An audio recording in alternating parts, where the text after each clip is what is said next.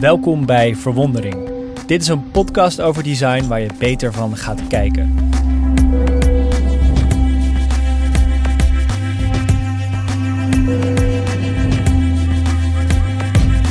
Mijn naam is Ernst-Jan Fout en mijn co-host is Harold Dunning. Harold is de oprichter van designstudio Monkai. In elke aflevering vertelt hij aan mij en ik aan hem over een ervaring die ons inspireerde. En samen verkennen we wat een ontwerp goed maakt. Want, zo geloven wij, door samen beter te kijken ga je meer zien.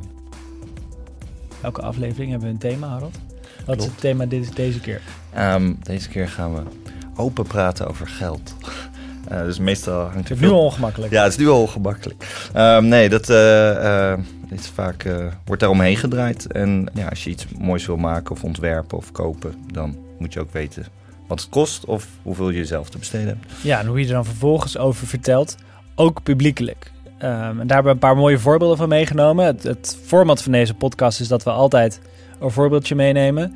Uh, afgelopen keren raakten we niet uitgepraat over onze eigen projecten. ja. Maar nu gaan we het weer hebben over andermans dingen. En alles wat we bespreken kun je ook zien. Ga daarvoor naar monkai.com slash podcast. Oké, okay. ik, uh, ik mocht aftrappen met mijn voorbeeld. Ik ben heel benieuwd. Ja, ik, heb, um, ik ben afgelopen jaar ben ik één keer um, te lang in een bar blijven hangen. Eén keer? nou ja, in de tijd dat mijn vrouw ook nog uh, in New York zat, ben ik één keer echt te laat thuisgekomen. Met net een drankje te veel. En um, dat was omdat ik uh, aan het drinken was met Matt Kiezer. Dat is geen New Yorker, hij woont in Seattle. Dus helemaal de andere kant van Amerika. Dat is volgens mij nog verder dan uh, Moskou van Amsterdam. En we dronken biertjes, want hij was, hij was ambassadeur geworden van de correspondent. En we hadden hem gevraagd als ambassadeur omdat hij een fantastische nieuwsbrief heeft, een dagelijkse nieuwsbrief. What the fuck just happened today? En um, we krijgen nu waarschijnlijk zo'n explicit language uh, dingetje bij nee, dus nee, je bent nu weer terug in oh ja, Nederland. dat mag, dat gewoon mag weer. Je bent gewoon de Fucking hell, ik kan ja. weer schelden. Heerlijk. um, en wat die, wat, die, wat die nieuwsbrief doet, is eigenlijk een behoefte vervullen die volgens mij iedereen had meteen de dag nadat Trump verkozen werd. Namelijk, wat de fuck is er vandaag allemaal Mhm. mm -hmm. gebeurd? Omdat er zoveel gebeurde, zoveel bizarre dingen die in geen enkele referentiekader pasten. Uh, en hij dacht, ik ga dat gewoon elke dag heel kort bullet, bullet list style ga ik dat bundelen. Nou, ik volg het uh, nieuws nu al uh, nou, 2,5 jaar met angst en beven via die dagelijkse nieuwsbrief. Maar ik vind het ook heel lekker, want um, ik hoef dus niet de, de, hele dag door te kijken wat er nou weer gebeurd is. Ik kan ja. gewoon één keer per dag ik van hem heel rustig opgeschreven. Niet het panische wat je op Twitter ziet, maar gewoon heel rustig op, opgeschreven. Trump heeft dit en dat gedaan. En hij zegt dan niet, dit is belachelijk of wat dan ook. Hij komt gewoon met, uh, met een, een, nuchtere samenvatting. Ik vind het een ontzettend fijne leidraad in deze ge gekke tijd.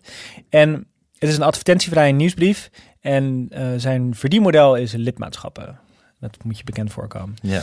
Um, dus wij hadden die hele die, die avond was zo ontzettend gezellig, omdat we, omdat we allerlei dingen aan, ja, herkenden van elkaars uh, uh, bedrijven. Het is een iets andere schaal. Hij doet het nu met drie man. Het is wat kleiner. Oh, heeft hij al drie man? Ja. En um, hij is gewoon begonnen in plaats van dat hij met een enorme crowdfunding campagne begonnen is. Ja, ja. Dus hij bouwt het st steady op en het is gewoon, hij, hij geniet volgens mij, hij zat vroeger in een punkband, dus het is gewoon een beetje zo'n gozer die, ja. die het lekker vindt om, uh, om het zo op dit niveau te doen. Uh, maar wat ik ontzettend leuk vind aan hoe hij over zijn uh, onderneming praat, is dat hij er echt, hij is er echt extreem open over. Dus op de lidmaatschapspagina staat, uh, je, krijgt niet, je krijgt niet echt een, een voordeel als lid. Mm -hmm. Iedereen ontvangt die nieuwsbrief gewoon. Dus hij moet echt uitleggen waarom het belangrijk is dat je hem geld geeft. Dus hij heeft een hele lijst waar hij zijn exacte maandelijkse kosten voor je berekent. Zodat je kan zien, oké, okay, zoveel moet ik geven. En dan kan hij daar ongeveer van, ja, zijn werk van doen. Hij heeft er zelfs in staan hoe hij zijn salaris bepaalt. Dus hij zegt, ik ben eigenlijk een soort uh, hoofdredacteur, maar ik ben ook de webdeveloper van deze site. Dus laten we doen alsof mijn salaris het gemiddelde is van deze twee uh, beroepen in Seattle. Dat heeft hij opgezocht. Een uh, nieuwsredacteur in Seattle verdient gemiddeld 63.000 dollar per jaar. En een webdeveloper gemiddeld een ton. Ja. En uh, bij elkaar uh, zegt hij, uh, het gemiddelde daarvan is 80.000 dollar per jaar. Dus per maand heb ik 6700 dollar nodig. En als je deze opsomming leest, dit is, dit is het meest extreme voorbeeld uit die lijst. Maar dan denk je gewoon van, oh ja, oké, okay, Matt, ik begrijp het wel. Dus hier heb je me 5 dollar per maand om dit mogelijk te maken. En ik vind, ik vind dat zo verfrissend als je gewoon zo straightforward erover praat. Maar het kan natuurlijk alleen maar als er niet ergens een kopje staat... eh, winstmaximalisatie voor de aandeelhouders. Ja. Dus het past maar bij een beperkt aantal organisaties. Maar die vrijheid om, om zo te kunnen praten over wat je met je geld doet, dat, dat is volgens mij, eh, merk ik ook als organisaties, dat ontzettend. eh, het geeft heel veel inzicht aan je publiek en ook inzicht aan jezelf, omdat je alles verantwoordt. Maar heeft, heeft hij het dan ook nog aangepast nu die... Want hij heeft, nu heeft hij mensen in dienst, dus zijn situatie is wel veranderd. Ja. Ja, dat past hij dan aan. Dus dan stijgen de kosten, maar hij heeft ook Ja. meer leden. Dus dat, dat kan hij zich. En vertelt hij... Want in principe, vanaf het eerste moment dat iemand aanneemt... kan ik redeneren wat die anderen verdienen. ja, dus je, ze werken freelance voor hem en dan gooit hij op één hoop. Oké, maar ik kan dus wel destilleren wat die zouden verdienen. Eh, ja, dat Want dat is natuurlijk wel weer spannend. Want je kan natuurlijk voor jezelf zeggen dat je open bent over geld. Ja, Maar in principe, eh, anderen weten dat ook. Want als je met hem gaat werken en je laat je door hem betalen... of je werkt mee aan eh, What the Fuck Just Happened... ja. dan hij is, er, hij, hij is in alles super open.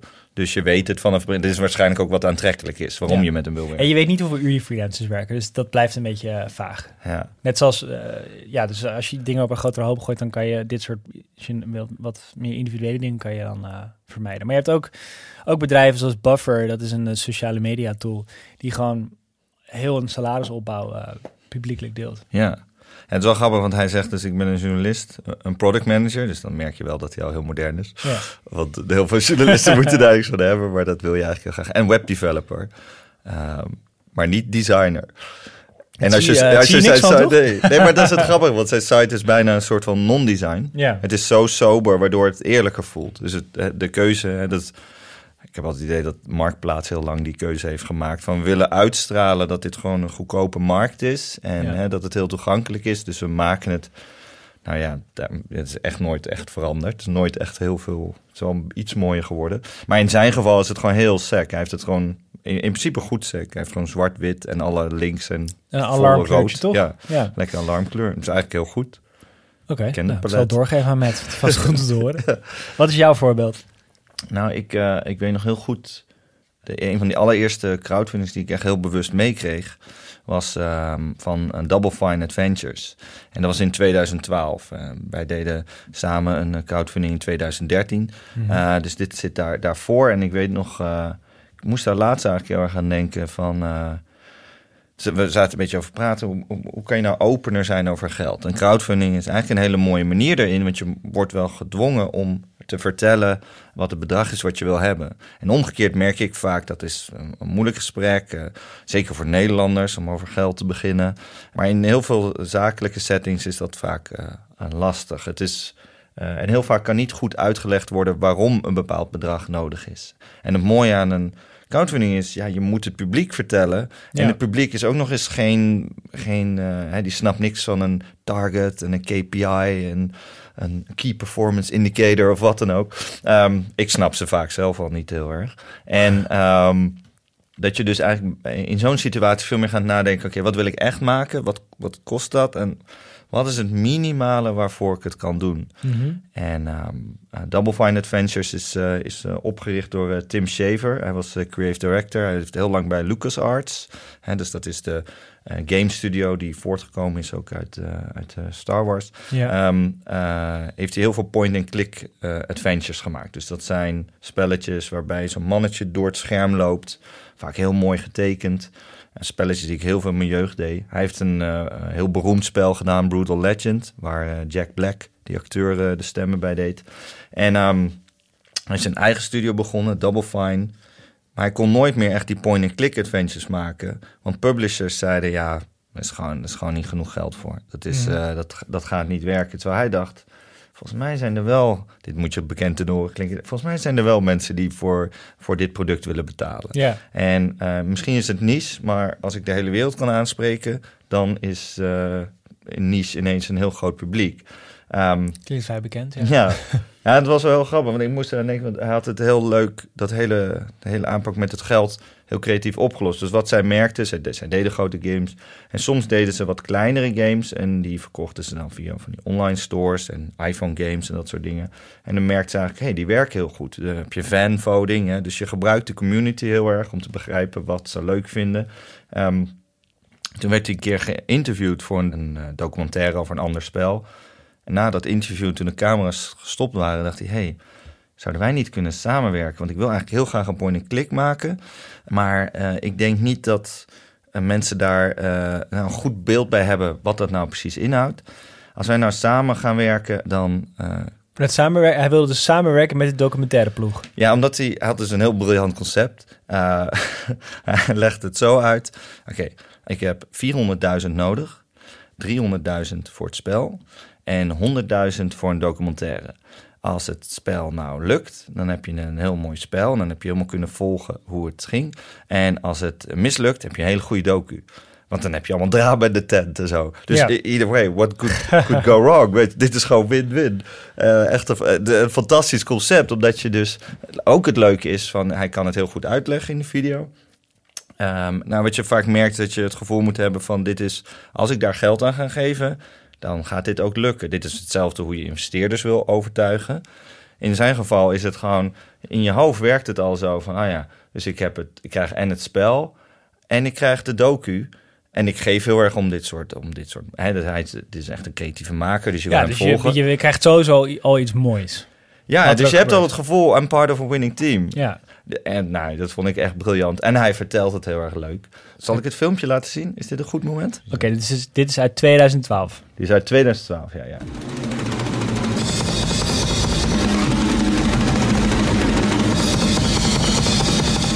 Rustig begin.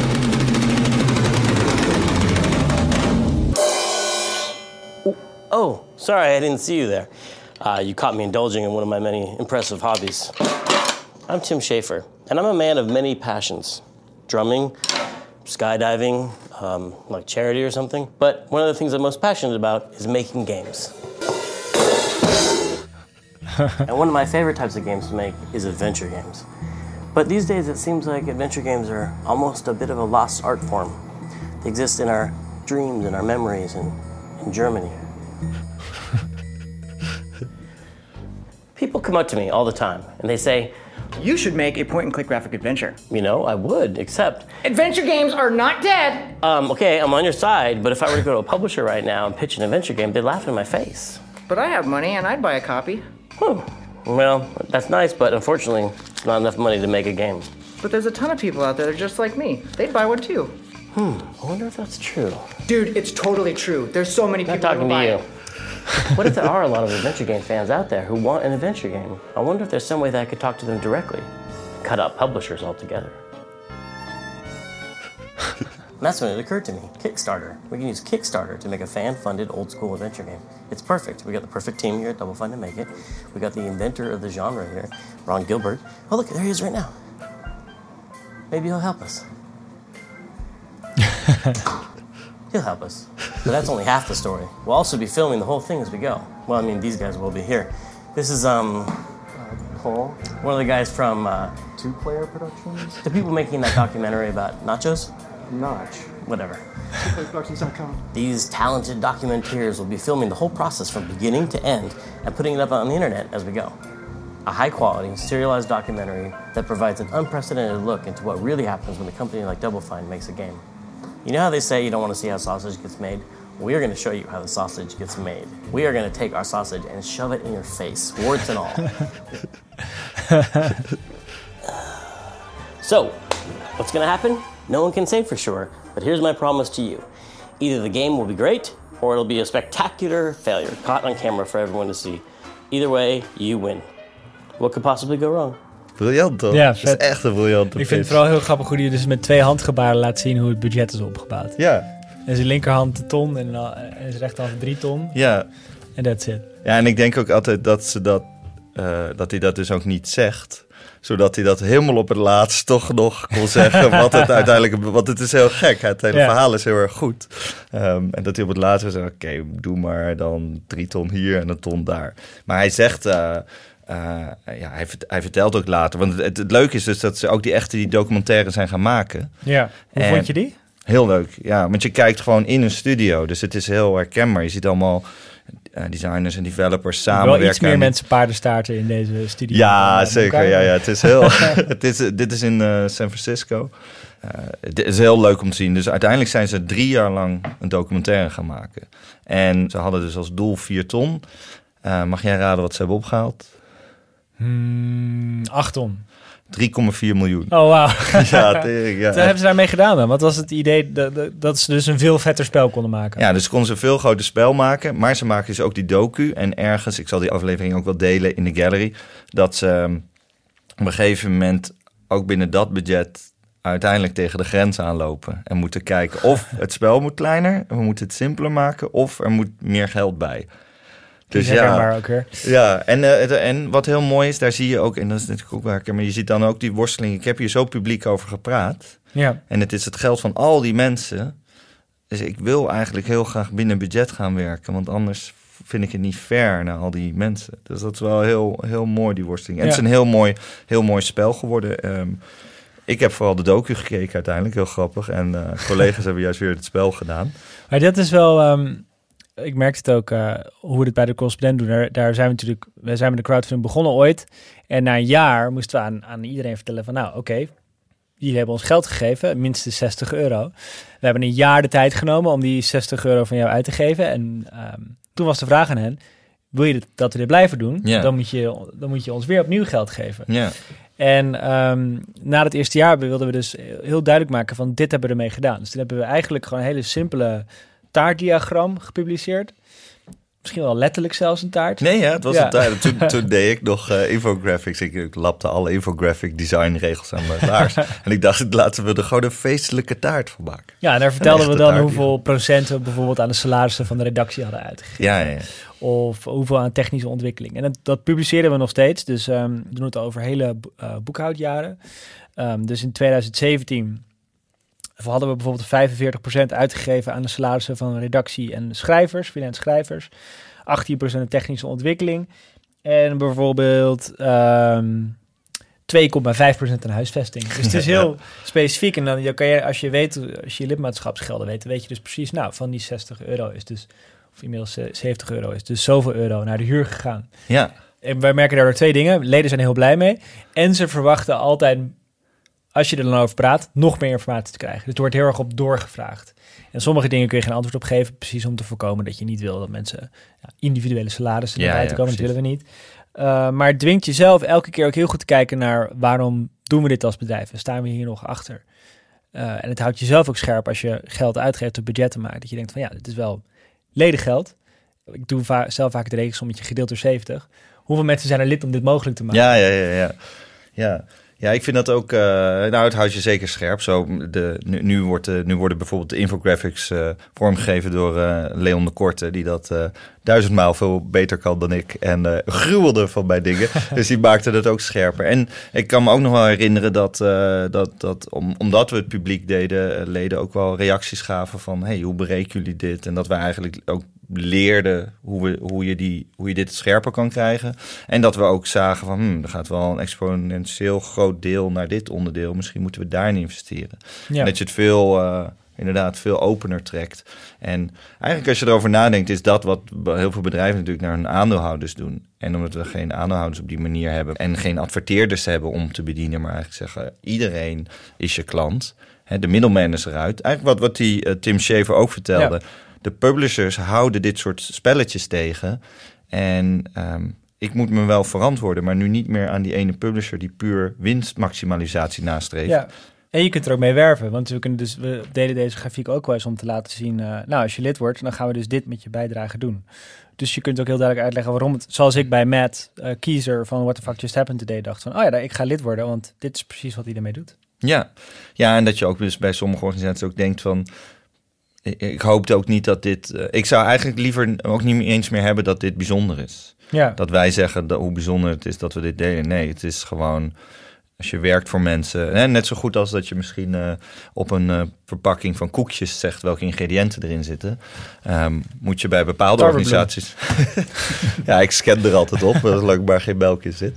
Um, maar uh, het, geeft je inzicht en je zou dat willen delen. Zeg maar dat het, um, het uh, inderdaad, wat je zegt, het houdt je scherp. En het maakt je ook realistischer wat je doet. En dat vind ik zo leuk aan als je dus die docu terugkijkt of zo. Dat je, oh, komt er nog zoveel bij. Ja, dat is ook creativiteit eigen natuurlijk. Dan ga je ook denken, ik kan meer doen, ik ga groter doen. Ja, Ik had het ook al bij, bij de crowdfunding campagne hadden we van, van The Correspondent afgelopen jaar hadden we gezegd we gaan geen extra geld ophalen van tevoren om eh, advertenties te gaan in te gaan kopen. We willen helemaal dat het een grassroots campaign wordt. Maar dat zorgde er ook voor dat we dus heel erg creatief moesten zijn eh, met dat budget en daar ook over moesten vertellen. Ja, bij de, bij de crowdfunding we, hadden we eigenlijk nog een idee van... ik zou best wel graag advertenties willen... om bijvoorbeeld eh, aan een groter publiek te kunnen laten zien dat dit speelt. Ook om te laten zien, eh, wat we natuurlijk best wel misten... we- Dat, daar altijd zo ontworpen dat we heel duidelijk... eh, ambassadeurs hadden die erachter staan en die daarover vertellen. Heel erg op de persoon. Maar anderzijds werd het daardoor ook altijd heel abstract. Het zijn of portretten of tekeningen of personen, maar niet... Je ziet niet echt situaties in, het, e- in de echte wereld. En daarvan leek het me leuk, als, als we geen advertenties kunnen doen, misschien kunnen we een paar doen.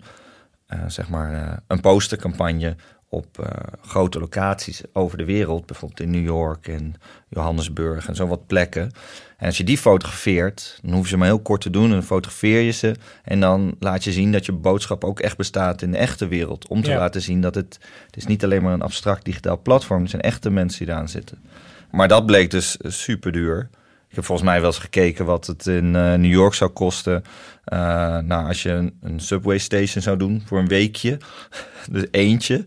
Eh, Want ik, wat ik graag wilde was dat je in het beeld dan de boodschap zag. En eh, dat je dus meerdere posters van ons zag. Ja, dat het duidelijk was dat het ook bijvoorbeeld dan in New York was.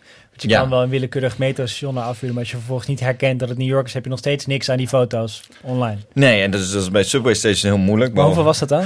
nou, eh, het, het ligt aan eh, per station, maar het kon oplopen tot 70.000. 70.000 dollar voor een week. Ja, en we, we wilden dus andere manieren hebben. Want dan dacht ik, nou, misschien kan je van die Gorilla posters langs de wand doen. Dus, want dan is het op straatniveau. Hè. Dus bijvoorbeeld, er, is een, eh, er wordt een gebouw gebouwd en dan heb je van die houten schotten. Nou, dacht ik, oh, als je die helemaal vol doet, dan kan je hele mooie foto's maken. Eh, Je hebt de concept designs van toen gezien. Ja, Eh, dat werkte heel goed. Nou, in de echt heb je dus helemaal geen grip op waar precies die plekken zijn. Dus geef je een paar plekken en dan kost het... nou ja, New York is allemaal het duurst, eh, ook binnen Amerika.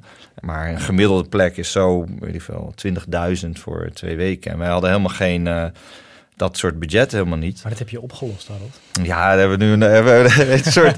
hoe kun je nou creatief met geld omgaan? Ehm, want we dachten wel langer van, hé, hey, is het niet leuk als we iets met de bus doen met een, met een soort. eh, ja, een soort stunt. We hebben wel eens gehad, we hebben Oh een ja, stunt. Maar daar voelden we ons altijd een beetje ongemakkelijk bij. Ja. Zo van die guerrilla marketing, of hoe noem je dat ook alweer zo? Flashmob. Flashmob, ja. Dat wordt als echt begraven achter in mijn hoofd. Eh, Kopje 2006 zat dat. ja, inderdaad, ja. Ehm, toen ontwierp ik nog in Flash. Eh, maar vanuit die dachten we, oké, misschien kunnen we iets doen dat een team ergens naartoe gaat en dat veel meer in de echte wereld plaatsvindt en dat ik dat fotografeer. En toen dachten we, hey, is dat eigenlijk niet heel erg leuk als we dat met een busje doen? Een echt klassiek nieuwsbusje. En de slogan was Unbreaking News. En een nieuwsbusje eh, is eigenlijk de verbeelding daarvan. Die kan laten zien eh, dat we op een andere manier eh, de wereld om ons heen in context willen plaatsen, willen verslaan. En toen dachten we ineens van, hey, is het eigenlijk niet heel mooi als dat busje, als je gewoon één busje heel goed grafisch ontwerpt, dat die eigenlijk een soort rijdende poster is. Dan kun je ineens naar elke toplocatie gaan, zolang die, zolang die bus er maar voor krijgt. Ja, Dan werkt het. het gevaar voor eigen leven langs de Trump Tower rijden en hopen dat je, als je stilstaat, niet wordt neergeschoten door de Secret Service. Zeker, ja. Ja, met fotografen. Gedaan, toch? ja, met, eh, ja, dat was echt eh, zes uur 's ochtends of zo. Dan gingen we rondjes rijden voor Trump Tower. Op eh, Fifth Avenue is dat volgens mij. En ehm, met, eh, met fotograaf Jeroen de Bakker. Die stond dan eh, voor de deur. En ik ging dan zo heel langzaam rijden. En elk, elk rondje, als ik dat dan weer deed, zag ik een mannetje naar buiten komen. Ehm, Echt? eh, ja, echt. Ja, ja. ja je ziet dat- ze gewoon... plate staat ergens, eh, het, het kenteken staat ergens geregistreerd nu. Zeker. Ja. Ja, en dat, eh, dat heb ik altijd heel raar gevonden aan Secret Service. Is dat hun pakken zo zijn ontworpen dat er Secret Service op staat. dus ik denk, maar dan zijn jullie toch gewoon service. Dan is het toch geen secret meer. Maar goed, en dat hebben we gedaan ook bij de UN Tower. En allerlei verschillende plekken. Maar juist ook, nu konden we juist ook naar plekken toe gaan... waar ehm je normaal helemaal geen verslag van wordt gedaan... om juist die plaatsen in context, eh, eh, een context te plaatsen. Dus we gebruikten het en om de bestaande locaties een soort van herkenbaar te maken van, oh ja, nieuws, dat, willen, dat, is, dat, dat is kapot en daar moeten wij fixen. En daar, dus het Trump Tower busje. Of we hadden locaties waar wij vonden dat veel meer verslag van moest worden gedaan. Bijvoorbeeld publieke scholen in de VS. Of eh, verlaten tippelzones in Utrecht. Zeker, ja. Ja, die, die bus, dat was ook het mooie. We zijn uiteindelijk... eh, je eh, zocht heel veel plekken die een soort generiek waren, zeg maar. Dus dat niet letterlijk om die plek gaat, maar die verbeeld eh, ehm, waar, het, waar het voor staat. Ehm, en ehm, uiteindelijk hebben we dat kunnen oplossen door in Duitsland, België, Nederland allemaal rond te rijden. En we hebben nog zo'n busje gekocht in eh, Amerika. En dan lijkt het alsof het heel duur is, zo'n busje. Maar dat was veel goedkoper, want eh, dat busje kan je gewoon weer verkopen. Ja. Dus in Nederland kochten we een busje voor 15.000. En datzelfde, diezelfde bus kostte in Amerika 5.000. nu snap je ook waarom de dus... tank is ook vijf keer goedkoper. Ja, zeker. Maar dat is wel iets anders. Dan heb je dus voor 20.000 heb je twee busjes. Ehm, en dan moet je ze nog webben en dan moet je, de, moet je hem eh, uitontwerpen en ehm, moet je hem helemaal... eh, hè, ik, ik zal wat, wat eh, plaatjes in de gallery zetten. Je moet zorgen dat hij eh, dat hij echt een soort rijdende poster wordt, als het ware. Zo hebben we hem ontworpen met hele grote tekst.